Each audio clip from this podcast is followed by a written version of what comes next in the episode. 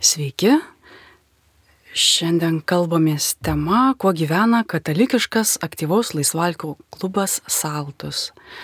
Prie mikrofono žurnalistė Skirmantė Javaitytė, o viešne studijos katalikiško aktyvaus laisvalkio klubo Saltus įkūrėja Gedrė Kemišienė. Ji taip pat yra VDU katalikų teologijos fakulteto projektinės veiklos koordinatorė. Sveiki. Labadiena.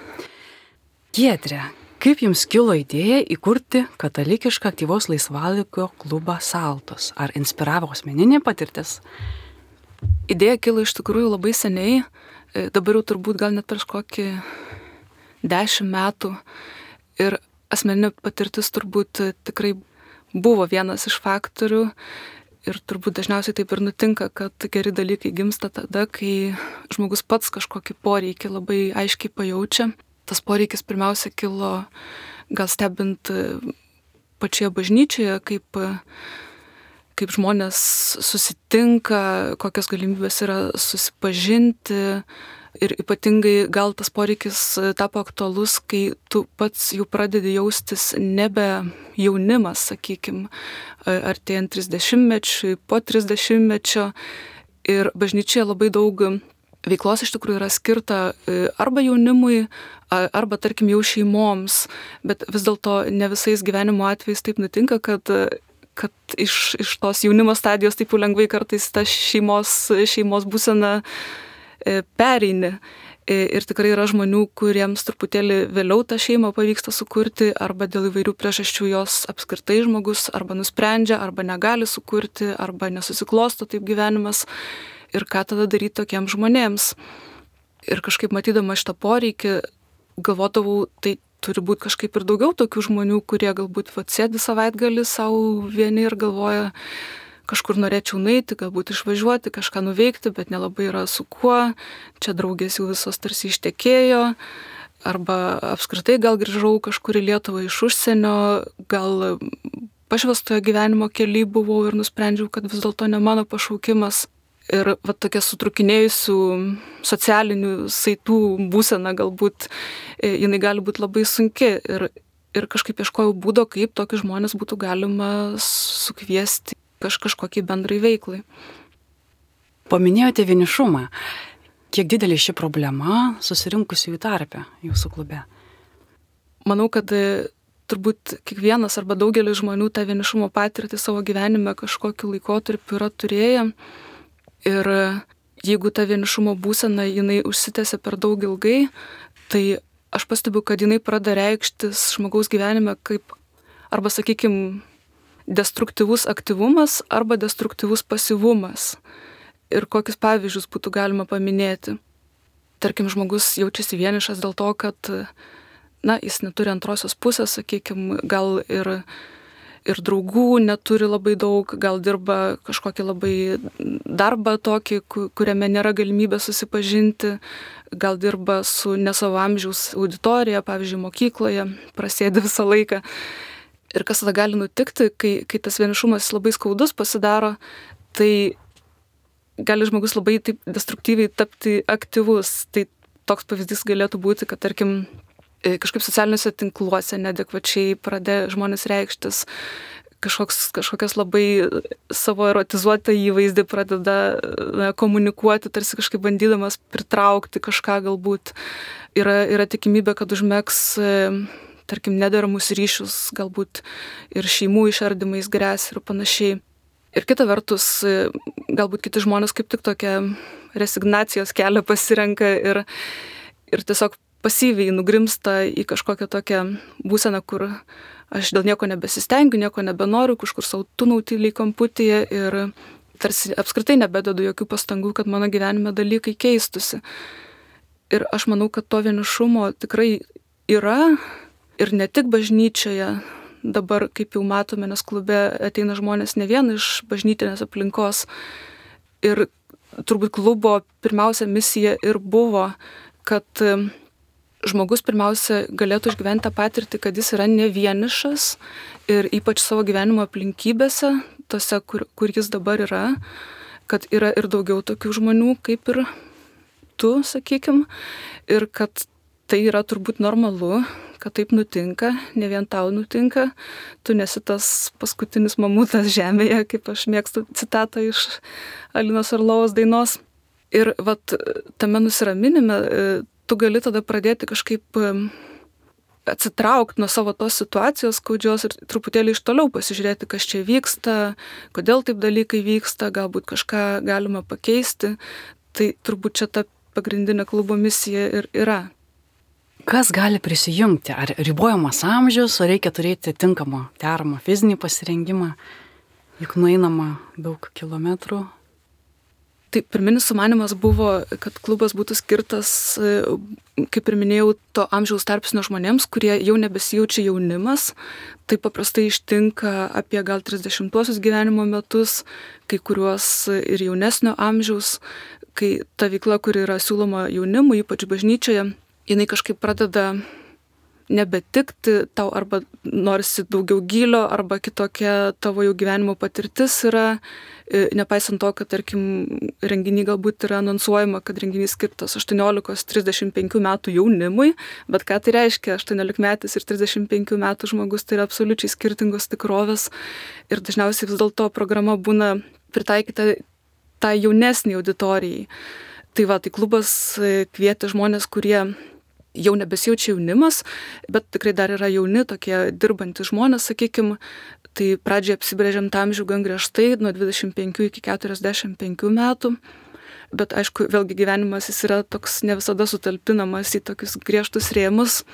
Tai dabar iš tikrųjų gali prisijungti bet kokio amžiaus pilnamečiai žmonės, e, kuriems ta klubo veikla atrodo aktuali, bet vis tiek veikla yra orientuota į tuos jaunus saugusiosius, tai tie žmonės kaip mano prioritetas, kaip mano tikslinė auditorija išlieka, bet jeigu truputį vyresnio amžiaus žmogus arba truputį jaunesnis jis jaučia, kad jam čia tinka, patinka, tai tikrai kviečiam. Kokia veikla vykdoma šiame klube? Pasakojate, kad ne tik žygiuojate, bet ir pramogaujate, stebite žvaigždės, keliaujate į pirtį, baseiną, švenčiate šventes, tai papasakokit, ką veikiate. Tai klubas, e, jisai vadinasi laisvalaikio klubas ir mano žiniomis turbūt Lietuvoje bažnyčioje daugiau laisvalaikio klubų gal ir nėra, gal yra, nežinau, gal kažkokie stalo žaidimai, kažkur vyksta kažkas, bet e, laisvalaikis tai reiškia, tai nėra Ir aš akcentuoju, kad mūsų žygiai nėra na, kažkokių dvasinių patirčių, e, sakykime, programa, e, nėra rekolekcijos, nėra piligrimystė, tai yra tiesiog laisvalaikis. Mes jame netgi stengiamės e, jokios religinės programos nevykdyti. Ir iš tikrųjų tai padeda prisijungti žmonėm ne iš bažnyčios aplinkos, kuo aš labai taip pat džiaugiuosi yra tam tikras atvirumas, tas iš, išėjimas iš savo namų į tą kiemą, kaip sakoma, ir pasitikimas žmonių ten, kur jie yra. Tai vyksta žygiai, dabar jau du kartus per mėnesį, antrą mėnesį šeštadienį ir sekmadienį. Tai šeštadienis vyksta mūsų tas vadinamas klasikinis žygis, kur mes tiesiog žygiuojam pakankamai nemažą atstumą kilometrų peščiomis. Ir labai svarbi žygio dalis yra ta, kad E, stengiamės to žygio metu neturėti jokios programos. Vėlgi tai pastebiu, tampa retenybė, nes stengiamės ir savo laisvalaikį kažkaip labai griežtai organizuoti.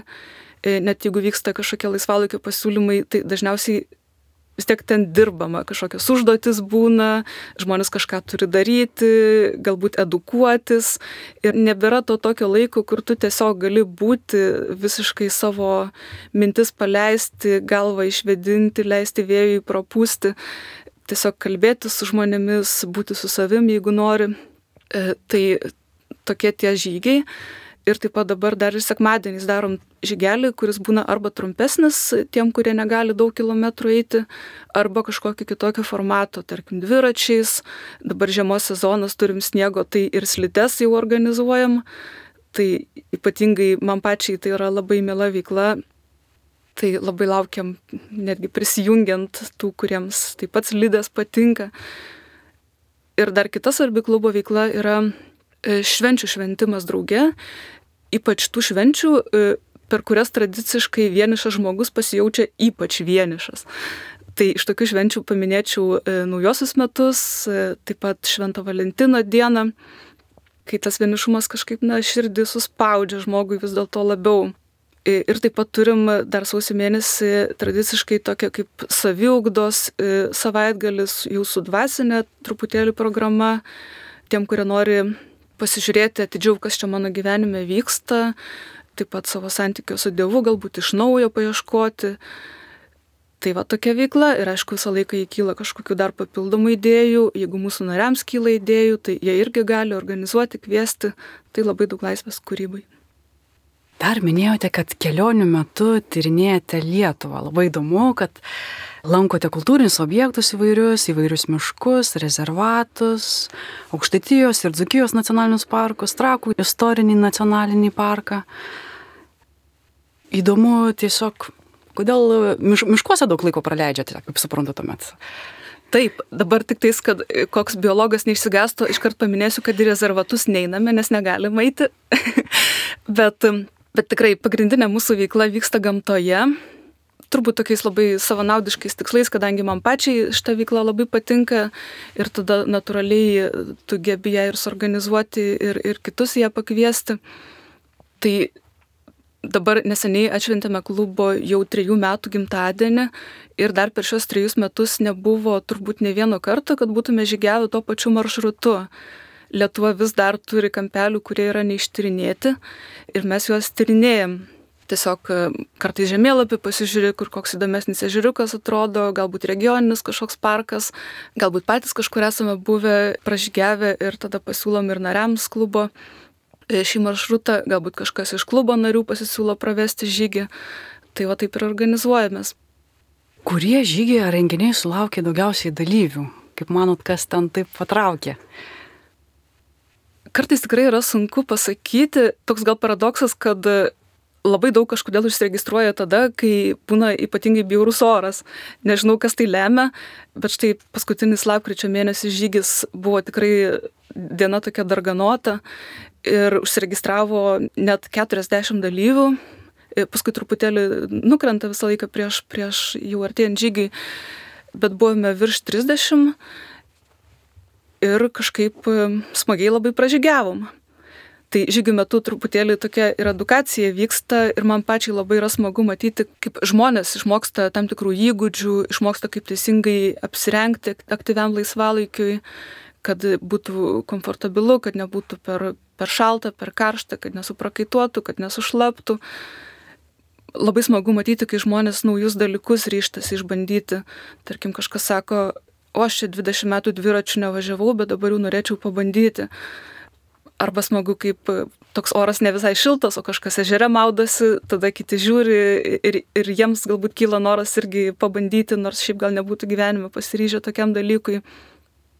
Tai iš tiesų vyksta tas toks e, atsiverimas įvairiais ligmenimis ir aš tikiu, kad, kad kai mano kūnas kažkaip jis atsiveria, atsipalaiduoja, išdrįsta, tai gal ir mintis kažkaip pradeda kitaip dėliotis, taip norisi tikėtis, galbūt pamatau savo gyvenime tam tikrą ir užsisėdėjimo, užstrigimo tokius momentus, kuriuos po to išdrįstu keisti. O kiek kilometrų taip vidutiniškai nueinate per žygį? Ar čia labai tas kojas reikia paruošti? Dažniausiai būna truputėlį virš 20, bet pernai berots turėjom vieną žygį, tai vadovė taip užsimojo, jinai vedžiojo mus po savo gimtasis anykščių apylinkės, tai 35 e, km nuėjom, čia buvo mūsų wow. rekordas ir kaip tik buvo spalio mėnuo, e, Tai aš vadinu spalio mėnesį tokia grybų karštinė, nes tada vyksta aktyvus grybų rinkimas žygio metu.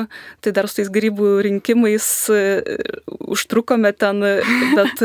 Pagrybavot, kad. Pagrybaudami jau tamsoje, bet ir paskui prieš pabaigą jau taip tylėdami truputėlį visi, bet įveikėm tą maršrutą ir, ir buvo labai iš tikrųjų smagu. Ir vakarė grybus, grybienė. Ir vakarė naktį ten, man atrodo, jie po to, mes jau išvažiavam, kiti dar liko nakviniai, e, tai po to ten, man atrodo, vyko naktinis grybų valymas ir valgymas gal. Jūs klausotės Marijos radijo. Šiuo metu kalbame tema, kuo gyvena katalikiškas aktyvaus laisvalaikio klubas Altus. Studijoje viešne klubo įkūrėja Gedrė Kemišienė. Taigi, Gedrė, įdomiai pasakojate, Tai labai dabar būtų naudinga sužinoti, iš kokių vietovių daugiausiai susirenka žygėviai į šį klubą. Ar tik iš didmeščių Vilniaus Kauno, ar prisijungia ir iš tolimesnių vietovių. Tai pradžioje taip susiklosti, kad daugiausiai dalyvių buvo iš Vilniaus, bet e, paskui toks interviu pasirodė apie klubą kas vyksta Kaune portale ir tada sulaukime tokio antplūdžio žmonių iš Kauno, ne vien žmonių iš bažnytinės aplinkos, klubas padvigubėjo, tai dabar turbūt daugiausiai klube yra kauniečių, bet taip pat turime narių ir iš Šenavos, iš Ukmergės, iš Klaipados keli žmonės iš Šiaulių, bet tikrai norėtųsi, kad ta geografija mūsų plėstusi ir ypač, kad išdrįstų prisijungti žmonės iš mažesnių galbūt Lietuvos miestelių, net, sakykime, vienkimių kažkokių, nes ypač didmešiuose tai dar tų pasirinkimų yra, galbūt ir susitikimams su žmonėmis, ir kažkokiai veiklai, ir galimybėms susipažinti.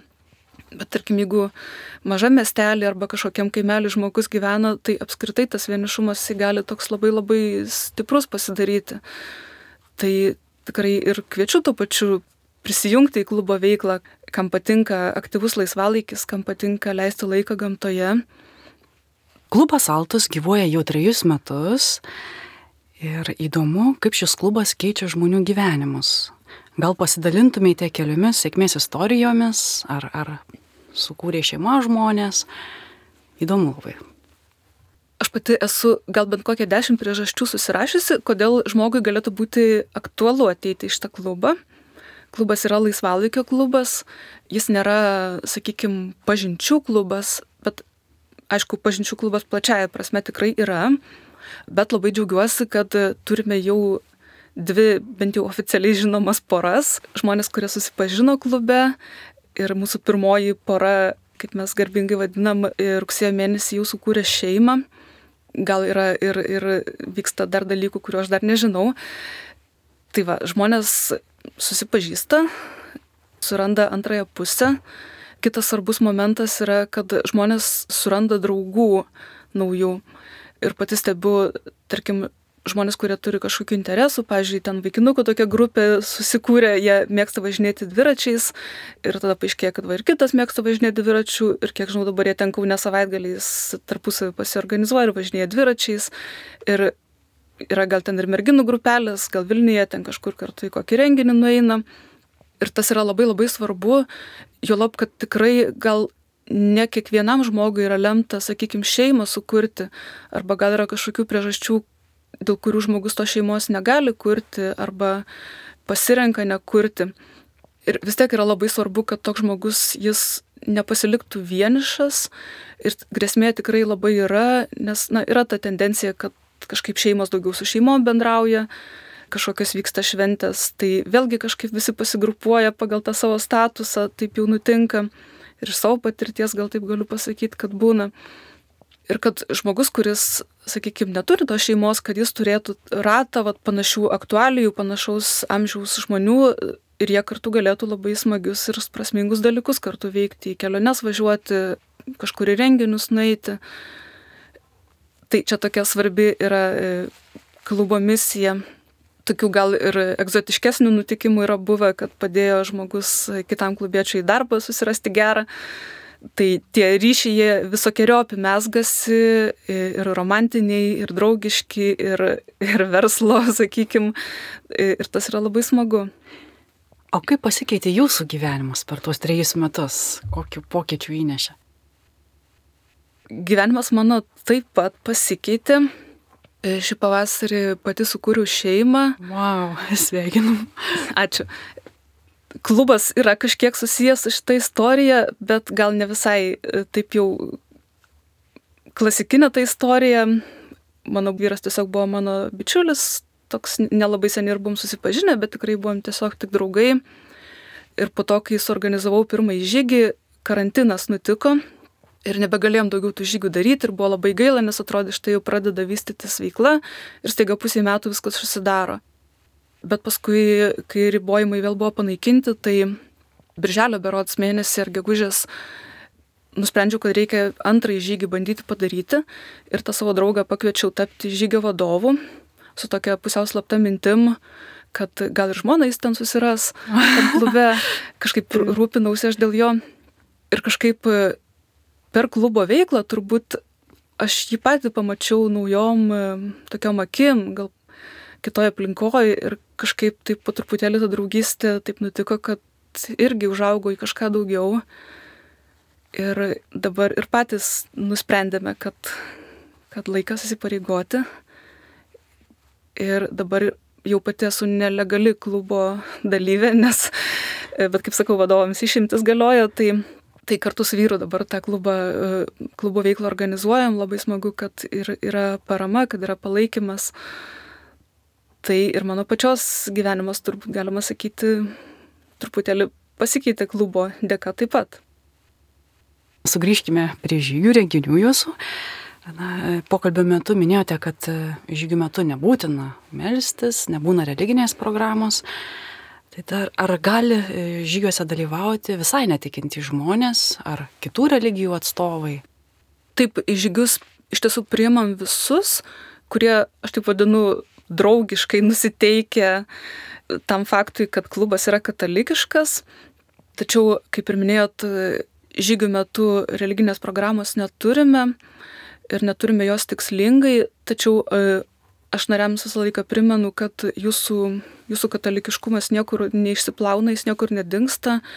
Jeigu jūs laiminate maistą prieš valgį, taip ir darykite. Jeigu jūs norite tikėjimo temom kalbėtis, tai taip ir darykite. Jeigu norite ten kažkur prieinam kokį galbūt paminklą ar kažką, galima pasimelsti, galima giesmę sugėdoti.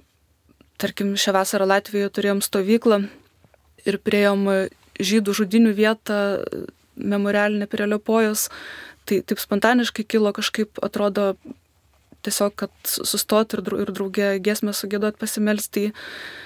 Tai, žodžiu, mūsų krikščioniškumas, katalikiškumas jis niekur nedingsta, bet kadangi tai yra laisvalaikio klubas, tai, tai kažkaip skiriam pirmenybę laisvalaikiu ir tokiam tiesiog bendravimui ir buvimui. Ir kaip minėjau, yra, yra renginių, kur stengiamės truputėlį pasižiūrėti ir savo dvasinį gyvenimą. Ir, ir vėlgi labai nesinori dubliuoti to, kas jau yra. Tikrai bažnyčia siūlo labai daug ir rekolekcijų, ir dvasinių visokių renginių, evangelizacinių renginių. Tai mano galbūt labiau būtų tikslas kažkaip žmonės padrasinti, pakviesti, nueiti ten, kad klubas toks netaptų kaip dar viena parapija, bet kad jis būtų ta tokia na, paskirstimo stotelė, ar kaip čia pavadinus, kad turėtume kur žmogų nukreipti, pakviesti, kad jeigu jis, jeigu atėjo jo laikas įsijungti bažnyčios bendruomenę, jeigu Dievas kažkaip jį kalbina, judina, kad jisai, kad jisai galėtų organiškai kažkur prisijungti. Paminėjote Liepoje, tai ar su žygeiviais kertate ir Lietuvos sienas, ar...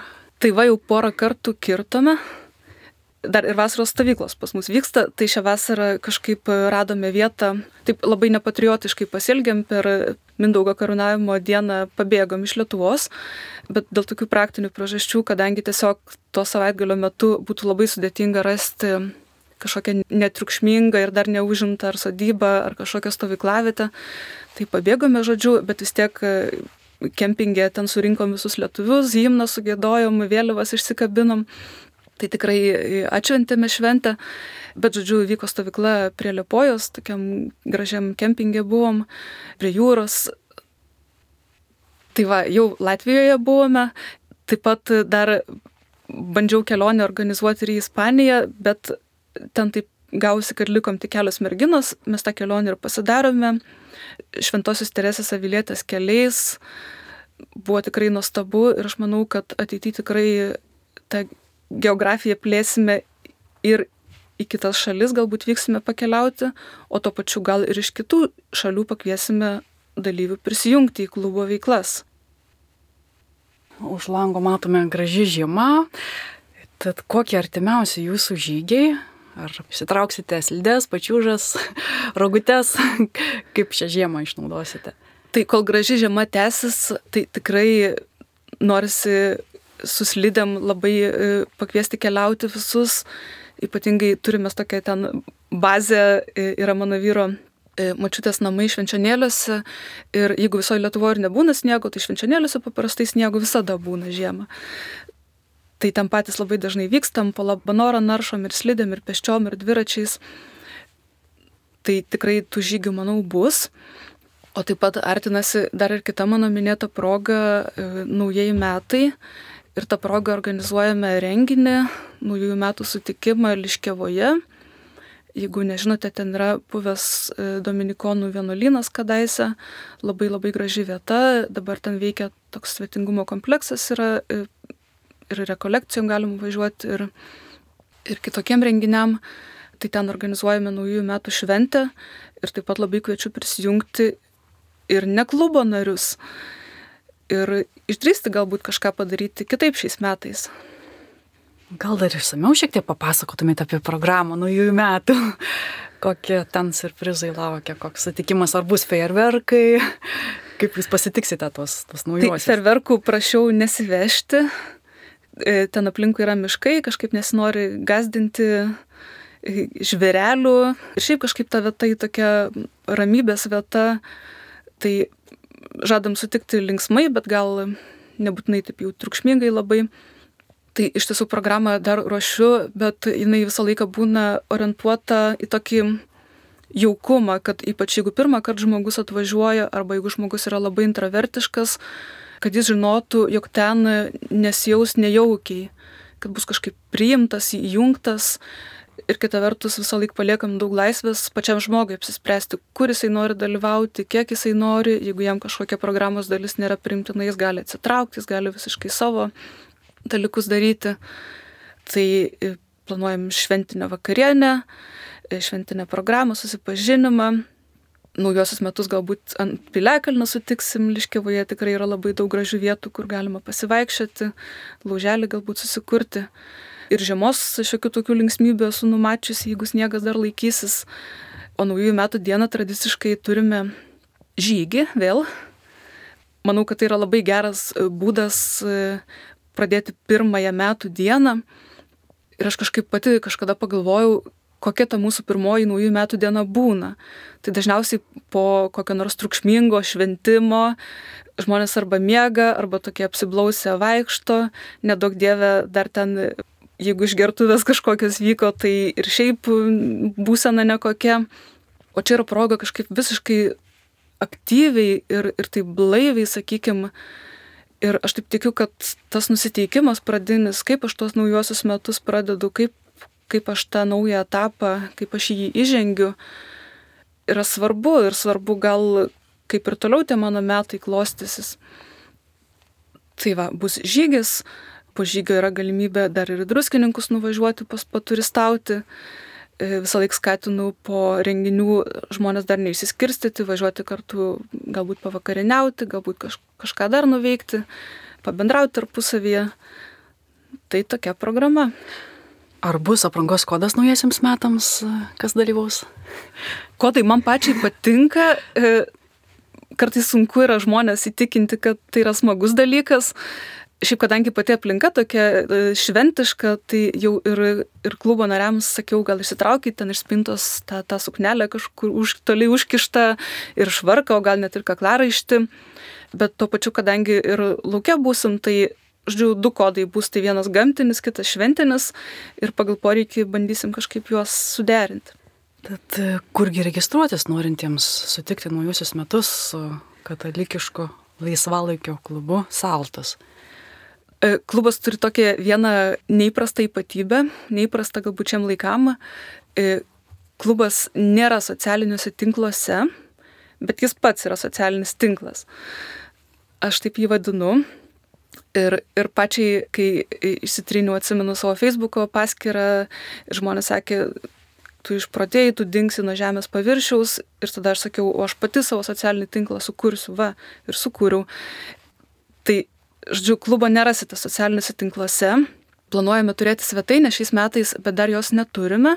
Tai vienintelis e, būdas sužinoti apie klubą arba prisijungti prie jo veiklos yra e, senas geras elektroninis paštas Tai jeigu jūs sudomino klubo veikla arba norėtumėte prisijungti naujųjų metų šventę, norėtumėte plačiau sužinoti apie programą, ir sąlygas, tai parašykite e, man elektroniniu paštu klubas.saltus eta gmail.com. E, dar kartą pakartosiu, jeigu kažkas puolė ieškoti rašiklio, klubas.saltus eta gmail arba gmail.com. Ko palinkėtumėte Marijos radio klausytojams šiuo advento metu ir artėjant naujiesiams metams, artėjant didžiausiams metų šventėms? Turbūt labai paprasto dalyko pasitikėjimo Dievu. Ir tokio pasitikėjimo, kuris e, viską atiduoda į Dievo rankas bet kartu ir pats padaro viską iš savo pusės, kad, žodžiu, vyktų toks lygiavertis galbūt bendradarbiavimas, kad viešpatė ir aš pats darau, bet tu, tu parodyk man, ar, ar tuo keliu einu, ar pakankamai einu, ypatingai jeigu kažkokią stoką savo gyvenime jaučiu. Galbūt dar pabaigai tokią istoriją norėčiau papasakoti trumpą, kad pati aš kadangi atsiverčiau per šventąjį pranciškų, ir kažkaip būdama bažnyčios narė jau ilgą laiką, taip vis ieškoju, koks šitas mano pašaukimas bažnyčioje yra. Ir tarsi vis kažkaip neaišku iki galo, ir lig ne čia, ir ne ten. E, žmonės alfa kursus daro ir atrodo kažkaip lig ne, vaikam katechezės veda ir lig irgi ne. Ir kadangi man šventasis pranciškus labai brangus, tai aš pati taip ir melsdavausi, kad viešpatie aš tai šventasis vargšais rūpinosi ir parodyk man, kur, kur tie mano vargšai yra, parodyk tu pats. Ir Dievas parodė ir parodė tokiu būdu, jis pasakė, kad tu atpažintum, kur yra tie tavo vargšai, aš tave padarysiu vieną iš jų. Ir padarė iš tiesų. Buvo gyvenime ir tas vienišumo etapas, ir toks neiškumo, bet jis galiausiai pavirto į labai gražų dalyką, atpažindama tą poreikį galėjau pasitarnauti kitiems žmonėms, kur irgi tą patį poreikį turi. Ir vis dar galiu, manau. Čia tas palinkėjimas dabar išvirto į kažkokį tai liudijimą, bet, bet iš tiesų klausti Dievę ir, ir ką aš turėčiau daryti, ir viešpatie, ir tu daryk, ir kažkaip bendrom jėgom kažkaip išsiskleis turbūt ir mūsų gyvenimai, ir, ir tie mūsų giliausi širdies troškimai, jie kažkaip bus atlipti vienu ar kitu būdu.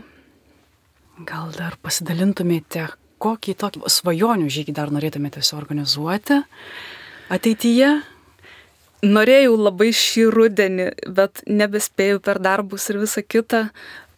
Labai norėjau į Norvegiją išvežti klubiečius. Ten yra labai tokia gera sistema išvystyta, kad yra labai daug kalnuose visur pristatyta šalyje tokių gražių trobelių, tos trobelės ten tiesiog e, būna kartais net atrakintos arba tokiu specialiu raktu jas, jas atsirakini, tu pats ten sąžiningai tiesiog užsiregistruoji, pats susimoki, niekas tavęs ten nestebi, bet, e, bet tai yra tokia labai aukšta pasitikėjimo žmogumi sistema. Ir mes patys šį pavasarį keliavom slidėmis po Norvegijos užpolerę ir tikrai ateini vakariai tą trobelę, pasikuri krosnį ir pro langą stebi šiaurės pašvaistas ir galvoju, Dieve, koks nuostabus tas tavo pasaulis ir labai noriu tą tavo nuostabų pasaulį ir kitiems žmonėms parodyti, daugiau jo pradengti kažkaip negu šiuo metu galbūt gyvenime matosi. Tai Norvegija, bet yra ir daugiau minčių, bet turbūt tikrai kažkur jau už Lietuvos ribų galbūt pavyktų išvažiuoti visiems. Labai linkiu, kad jūsų šis svajonių žygis būtų gyvendintas. Ačiū. Ir taip pat atsisveikindama dar noriu Jums labai padėkoti už pokalbį. Ir pabaigoje visai dar kartelį norisi pakviesti visus prisijungti prie šio katalikiško laisvalaikio klubo saltus. Tada dar kartelį pakvieskime registruotis, dalyvauti artimiausiuose renginiuose. Tai klubas skirtas yra žmonėms, kurie nėra sukūrę šeimos. Tiesa, ir nesustokusios poros priimam, bet jeigu jau santoka įvyko, jau tada iš, išleidžiam žmonės į platų į pasaulį. Klubo veikla yra orientuota į jaunus suaugusiuosius, daugmaž 25-45 metų amžiaus, tačiau tiek truputį vyresni e, arba jaunesni, jeigu mano, kad šita klubo veikla jam bus naudinga ir įdomi, gali prisijungti. Kviečiame tiek tikinčiuosius, tiek netikinčius, kuriems katalikiška pasaulyje žiūra nėra, nėra svetima, sakykime, arba yra primtina, arba kurie galės tiesiog pagarbiai su klubo nuostatomis sutikti. Kviečiame pakviesti savo draugus ar pažįstamus, kurie galbūt šiuo metu neklauso šios laidos, tačiau žinote tokių žmonių, ir visa informacija, ir, ir tapimas klubo nariu yra teikiama elektroniniu paštu klubas.saltus e, eta.gmail.com. Tad mielai kviečiame prisijungti prie šio nuostabaus, įdomaus, aktyvaus laisvalaikio klubo. Na ir atsisveikindama, linkiu Jums gedrę smagių žygių, daug dalyvių ir jaukus švenčių laukimo. Labai ačiū. Jūs girdėjote laidą ir laidoje kalbinome aktyvaus laisvalaikio klubo Saltus įkūrėją Gedrė Kemišienę. Atsisveikiname iki kitų kartų. Pašnekovę kalbino žurnalistė Skirmantė Javaitytė. Iki. Sudė.